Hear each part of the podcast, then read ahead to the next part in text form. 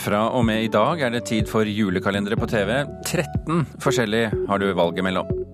Og har du kost deg med svulstig meglerspråk i boligannonser? Nå kommer de samlet i bokform. Og USA får trolig en finansminister fra Hollywoods filmverden. Vi ser nærmere på hans siste film. Det eneste som kommer mellom deg og solen, er fuglene som flyr høyt og luftig forbi.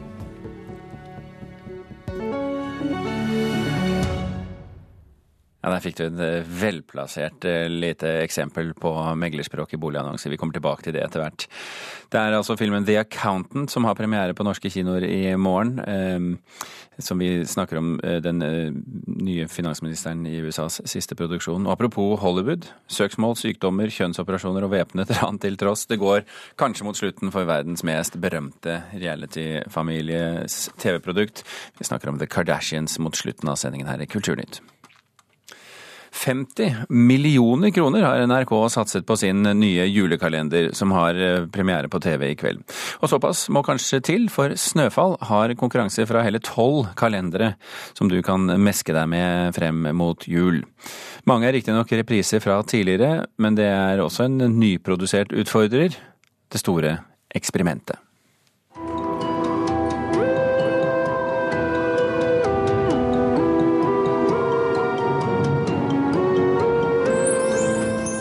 Dette er den nye julekalenderen på strømmetjenesten Viaplay. Anne Marie Ottersen spiller en gal professor som sperrer to barn inne i laboratoriet sitt. Og hver dag frem til jul må de løse nye oppgaver for å komme seg ut. Snyttedrift, her det. Kommer det noen? Får vi besøk?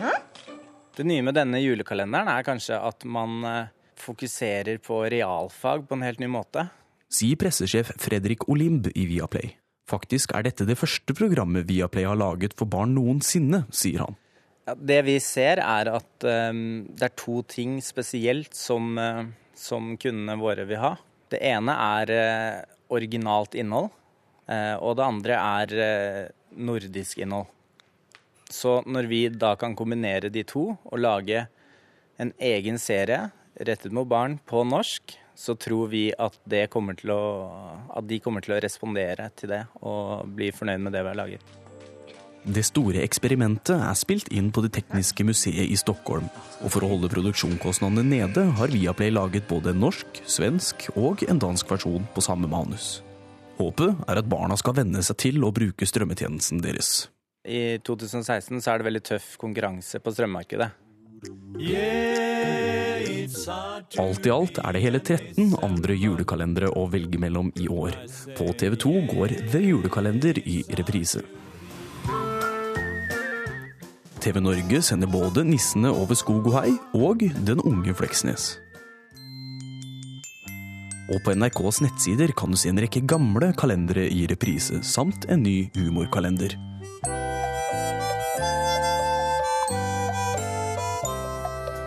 Men tradisjon tro er det på lineær-TV NRK satser hardest i jula. Jeg er Selma. Og jeg bor her. Bak dette vinduet. Snøfall er et eventyr. Hovedpersonen heter Selma, hun er ni år og bor hos naboen sin Ruth. Eh, og de to har en helt grei relasjon, tror jeg vi skal si. Men det er ikke verdens varmeste sted. Det gjør at eh, Selma begir seg ut i verden på, eh, på jakt etter tilhørighet. Sier Hildrid Gulliksen, redaksjonssjef i NRK Super. Hun er ansvarlig for den nye julekalenderen Snøfall, som har kostet hele 50 millioner kroner å lage. Det ene er jo at det finnes så mange flere tekniske muligheter, men de betyr ikke dermed, de dermed sagt at de er gratis. Mm. Eh, og det andre er at det er så mange store skjermer rundt i stuene til folk som, som, som, stiller krav til den tekniske kvaliteten, rett og slett. Så det er jo, det, vi bruker mye mer tid og ressurser på å få det til å se fett ut. Gulliksen kunne godt tenke seg å bruke mer penger, men da må det bli et samarbeid mellom flere av de nordiske landene. Hun påpeker at de tradisjonelle julekalenderne er en del av oppveksten. Så vi håper jo at eh, familier kommer til å se dette sammen, og at det er mye å snakke om i bakkant av at man har sett episodene. Philip André Johannesborg og Peter Sommer hadde laget eh, denne saken.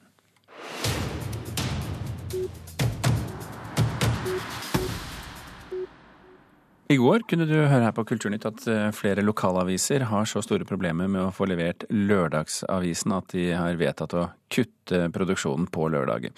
I dag er det flere nyheter. Eh, kollega Mari Sand Malm, hva har du funnet i avisene? Ja, Det er nå flere redaktører som krever at eh, Samferdselsdepartementet sier opp avtalen med Kvikkas og gir oppdraget tilbake til Posten. Det er det Klassekampen som skriver. Og i går ble kulturministeren konfrontert eh, om dette i spørretimen på Stortinget, hvor bl.a. Eh, Marit Arnstad fra Senterpartiet spurte om hun ville sørge for at samferdselsministeren tar tak i problemene. Og kulturministeren svarte da at hun mener Kvikkas har levert mye bedre resultater på kort tid, og at hun har tro på at ordningen kommer på plass. Jeg tror det Skam vant den prisen fordi det er et dypt original måte å lage drama på. Dette her var et lite, lite eksempel på eh, noe du skal få høre om ikke så lenge. Eh, det er altså Skam som har blitt hedret i London i natt. Eh, Mari? Ja, det er helt riktig. Og det var jo Ole Hedemann i NRK Utvikling som snakket her om eh, denne prisen som Skam fikk under C21-utdelingen i London. Og det er en ledende pris eh, fra bransjetidsskriftet for TV, som altså deler ut denne prisen. Og Mammon var også nominert til pris, men uh, vant ikke. Og det gjorde altså Skam. Og Ole Hedman i NRK Utvikling sier at det er stort å vinne denne prisen. Nå skal vi få høre nå alt Ole Hedman har å si. Jeg tror det Skam vant den prisen fordi det er et dypt original måte å lage drama på. Eh, det er vel første gangen kanskje noen egentlig har sett en dramaproduksjon som til de grader består av en slags vev av forskjellige publiseringsmåter. Enten det handler om eh, publisering online i form av video, eller på sosiale medier, eller fake Instagram-kontoer, eller hva det nå er for noe. Er, det er mange forskjellige plattformer, alle sammen digitale, som er vevd sammen i en, i, i en historie. da. Og det, det, er nytt, det er originalt, det er annerledes og, og, og veldig spennende at det blir satt pris på også internasjonalt. da.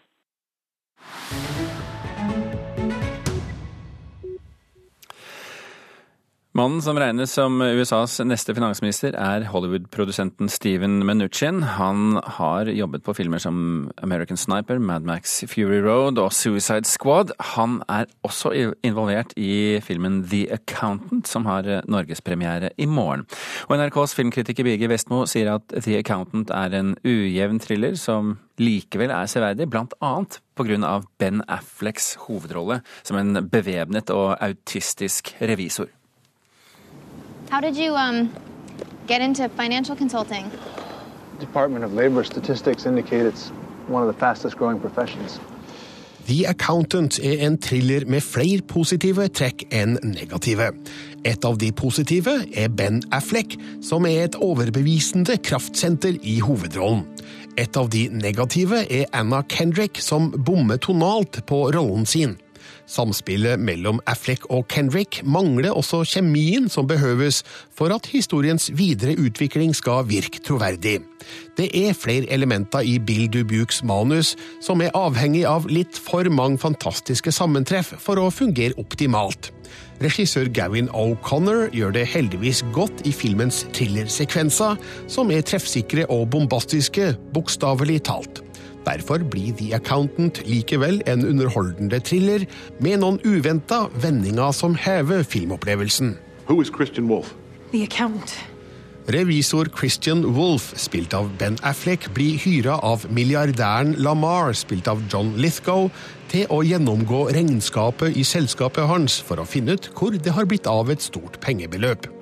Han får hjelp av Dana, spilt av Anna Kendrick, men noen vil legge lokk på saken, og de blir angrepet av flere leiemordere under ledelse av Brax, spilt av John Banthal. Det viser seg at Wolf er fullt kapabel til å yte motstand. Han er nemlig en helt spesiell revisor. Why would your clients follow you? You're an accountant. Figurens autisme blir lite annet enn et ekstra personlighetstrekk som kan virke overflødig, men gir Affleck litt mer å spille på. Han presterer avmålt og beherska, sjøl i actionscener der adrenalinet flyter. Det er vær med hans motspiller gjennom store deler av filmen, Anna Kendrick. I The Accountant virker hun rett og slett feil i rollen. 31-åringen spiller Dana som om hun er en naiv tenåring, og det er rett og slett ikke troverdig. Hello, Dreamboat. Dana's in danger. Kill Christian Wolf, transfer all domestic accounts overseas. The Accountant er best i scenene der Wolf er alene med sine demoner, der Affleck får vist litt av sitt potensial som skuespiller. Jeg liker òg actionsekvensene, der Wolf benytter seg av sin våpenekspertise. Der fyller regissør Gavin O'Connor lerretet med effektiv spenning med høyt trykk, filma med mørke og røffe bilder av Shames McGarvey, en av det siste tiårets dyktigste fotografer. The Accountant er ingen fulltreffer, med litt ujevn kvalitet på manus og skuespill. Men når den treffer, er det her en tøff thriller med noen S i ermet som gjør filmen severdig. I mean, who survives this kind of clientele? The secrets this guy has. The Accountant, eh, anmeldt altså av Birger Vestmo.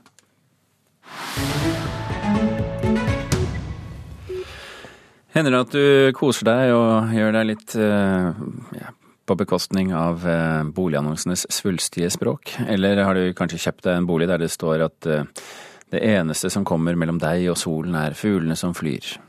Kunstner Eirik Willisson har samlet de beste meglergullkornene i en ny diktsamling. Ja, Det begynte med at jeg var på boligjakt sjøl. Jeg hadde fått et lite boliglån i, i banken i, i Odalen.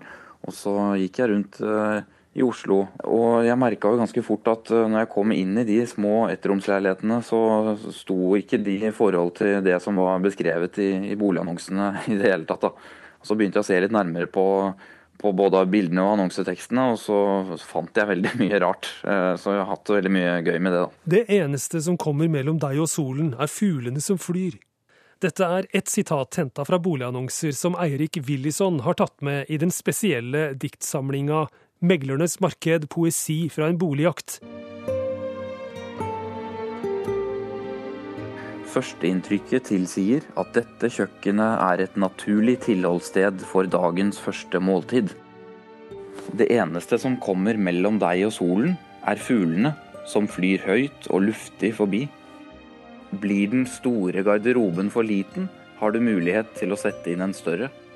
Kunstner Eirik Willison sier det ikke bød på problemer å finne nok stoff til boka på over 100 sider. Jeg har jo et lager stort nok til å fylle sikkert ti bøker. Og det er jo det er ofte en sånn blanding av, av litt sånn det jeg kaller høystil. At man prøver å, å flotte seg veldig med språket, og samtidig si noe som er veldig åpenbart for alle i de aller fleste boliger. Da. Og jeg kikker jo alltid i Glåmdalen når jeg er hjemme og, og besøker mamma, og der eh, ser jeg sjelden så mye av den typen formuleringer. Så det er nok litt vanligere i hovedstaden, tror jeg. To skyvedører i glass kan åpnes eller lukkes etter eget forgodtbefinnende, er en annen setning som har fått plass i boka. En del av de annonsene her er jo annonser for veldig små, ganske triste og stusslige, slitne leiligheter. Og da tenker vel en del eiendomsmeglere at de kanskje kan skjule litt av den eh, miseren med skjønnheten som finnes i språket, da. Norges Eiendomsmeglerforbund har lest boka, og direktør Carl O. Geving sier dette om å bli harselert med. Du, Vi har faktisk bestilt en del eksemplarer av den selv, fordi såpass selgerunni må vi ha. Virker som at eiendomsmeglerne syns det er litt morsomt. Jeg ser at de deler dette med hverandre i sosiale medier nå. Og er nok litt spent på hvem det er som er representert. Da, ikke sant? Så jeg tror de fleste tar det med et smil, altså. Og kanskje det også fører til at noen av dem tenker seg om en gang til neste gang de skal skrive en sånn annonse, da. Willison opplevde at det var himmelropende forskjell mellom beskrivelsene i boligannonsene og den faktiske boligen. Men til slutt fikk han kjøpt ei knøttlita leilighet i Oslo. Fant til slutt en bitte liten leilighet på 21 kvadratmeter. Det er bilde av utsikten på baksida av boka for øvrig. Og den utsikten er ikke så mye å, skryte av, da. Lillebroren min til sammenligning kjøpte en enebolig med ganske stor tomt og dobbeltgarasje for 200 000 mindre for et år siden. Det er jo ganske forskjell på hva man får i Odalen og Oslo. Kunstneren fra Odalen håper poesi fra en boligjakt skal bidra til latter og moro, men han har også et budskap til de som ytrer seg i offentligheten. Prøver å være enda litt mer presise. For, for oss som er litt sånn nøkterne typer fra Hedmark, så er det alltid bedre når folk er litt mer lavmælte og, og tydelige når de når de sier noe til oss, syns jeg. Eirik Willison, altså ute med diktsamlingen 'Meglerens marked', og reporter her det var Stein S. Eide. Klokken er 18 minutter over åtte akkurat eh, der. Du hører på Kulturnytt, og dette er toppsaken i Nyhetsmorgen nå. Magnus Carlsen forsvarte i natt verdensmestertittelen i sjakk mot den russiske utfordreren Sergej Karjakin. Etter to partier som endte med remis, vant Carlsen de to neste partiene i hurtigsjakk. Også Nav må bidra når elever scorer lavt på nasjonale prøver, mener arbeids- og sosialminister Anniken Hauglie, men Utdanningsforbundet er skeptisk og mener at skoleverket må ordne dette selv. Og Fredsavtalen for Colombia er endelig godkjent av begge kamre i nasjonalforsamlingen. Den kan tre i kraft allerede denne uken. Norske artister kan til sammen tape flere millioner kroner på DAB-omleggingen, skrev Klassekampen i går. Årsaken til det er at når FM-båndet slukkes, så opphører konsesjonsvilkårene, og da er ikke lenger de kommersielle kanalene P4 og Radio Norge forpliktet til å spille 35% norsk musikk, slik de er pålagt i dag. Sjef for P4-gruppen, Kenneth Andresen, sa til NRK i går at de tror de vil gjøre at de, uten å kunne si sikkert hvor mye, vil ende opp med å spille mindre enn 35% norsk musikk. Men diskusjonen her, sånn som jeg oppfatter den, dreier seg jo i stor grad uh, hvorvidt vi skal spille mindre kjent uh, norsk musikk. Og det er nok først og fremst et ansvar som uh, lisensfinansierte NRK er nødt til å ta når konsesjonsvilkårene for kommersiell radio forsvinner. Fordi vi er helt avhengig av å ha fornøyde lyttere og Da er vi nødt til å spille den musikken som lytterne våre ønsker seg, og ikke uh, ukjent norsk musikk. Det er uh, først og fremst et oppdrag uh, NRK, alle NRK sine kanaler, og kanskje spesielt P1 er nødt til å ta. Så da kommer vi i, fra å bevege oss fra en situasjon hvor vi er pålagt å spille 35 norsk musikk, ikke sant? til å bli fritatt for det kravet og velge musikk ut fra Eh, ut fra egne vurderinger. Eh, og Det kommer jo til å eh, ha betydning for hvor mye vi spiller. Jeg tror fortsatt vi kommer til å spille mye norsk musikk. Men som sagt at vi kommer til å ligge på et så høyt nivå som 35% det tror jeg ikke er realistisk inn i, inn i de konsesjonsfrie årene som ligger foran oss. Det sa sjef for P4-gruppen, Kenneth Andresen. Martin Grøndal, daglig leder i vederlagsbyrået Gramo. Hva tenker du når du hører dette? Jeg er jo eh, helt enig med det han sier. Jeg er 100% sikker på at de kommer til å spille mye mindre norsk. Og det har vi snakket om lenge. Vi har fryktet dette lenge. På vegne av de norske rettighetshaverne så har vi fryktet dette lenge. Og vi har gjort beregninger som viser at uh, under forutsetning at de halverer uh, norsk musikkbruken, så vil eh, norske rettighetshavere tape med dagens eh, Gramo-inntektsnivå ca. 6 millioner. Hvordan vil det gå utover norsk musikk? 6 millioner er jo ikke all verdens når du deler det på alle norske artister. Nei, men eh, Gramo har som en visjon at vi skal være én kilde til et rikt musikkliv. Altså én kilde, én strøm av penger av flere.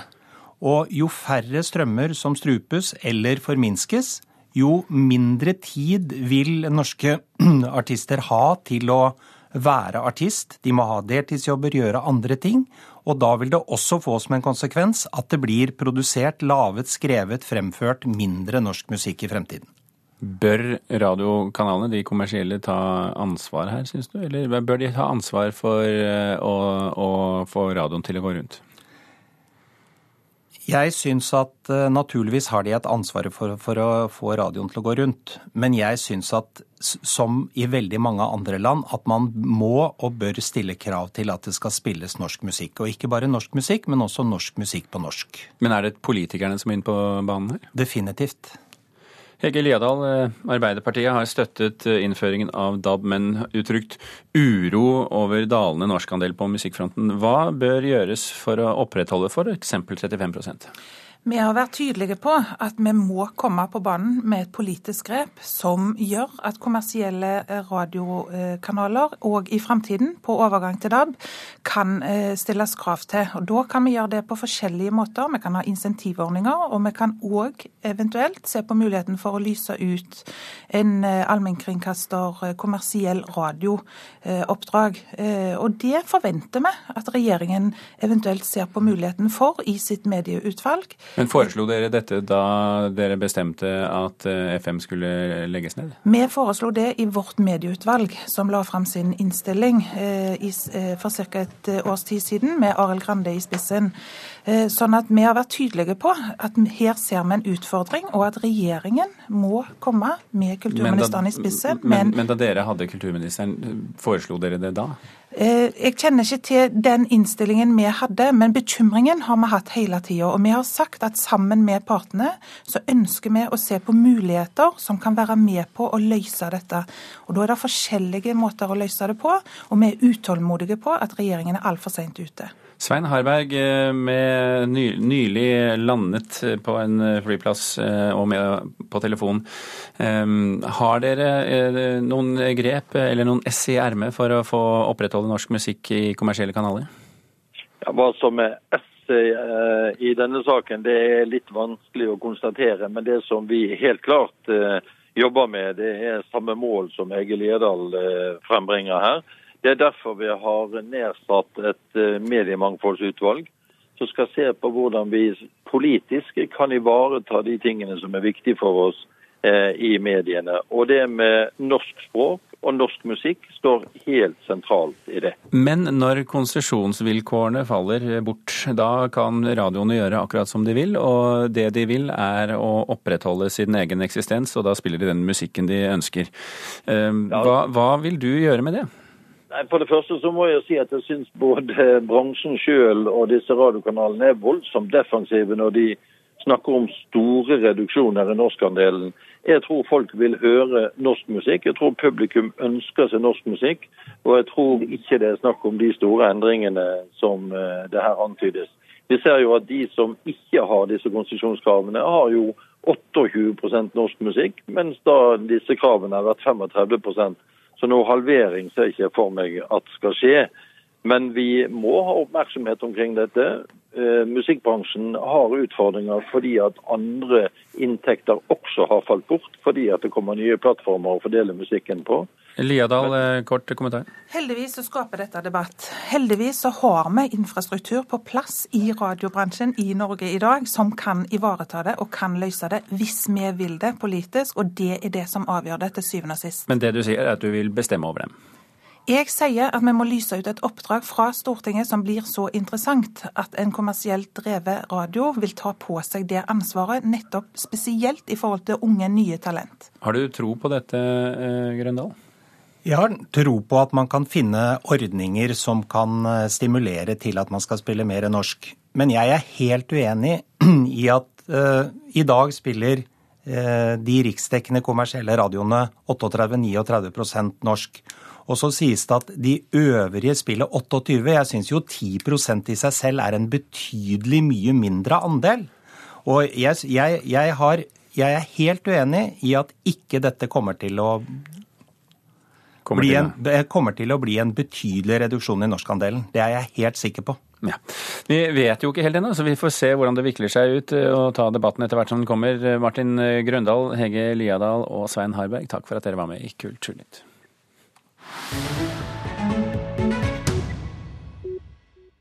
Søksmål, sykdom, kjønnsoperasjoner, væpnet ran og politisk eh, kontrovers. Det høres ut som et helt samfunn, men det er bare familien Kardashian og deres eh, TV-show.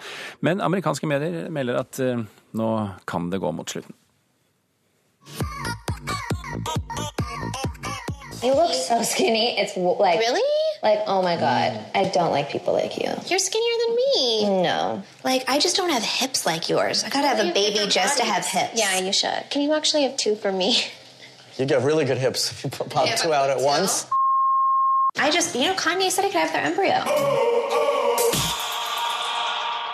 Dette var eh, søstrene Chloé og Kim Kardashian, eh, Kardashian West i sistnevntes tilfelle vi hørte her. Eh, journalist og programleder i VG, Morten Høgseth, velkommen til Kulturnytt. Takk. Ryktene går altså. Det er mhm. på vei til å bli slutt. Er det på vei til å bli slutt?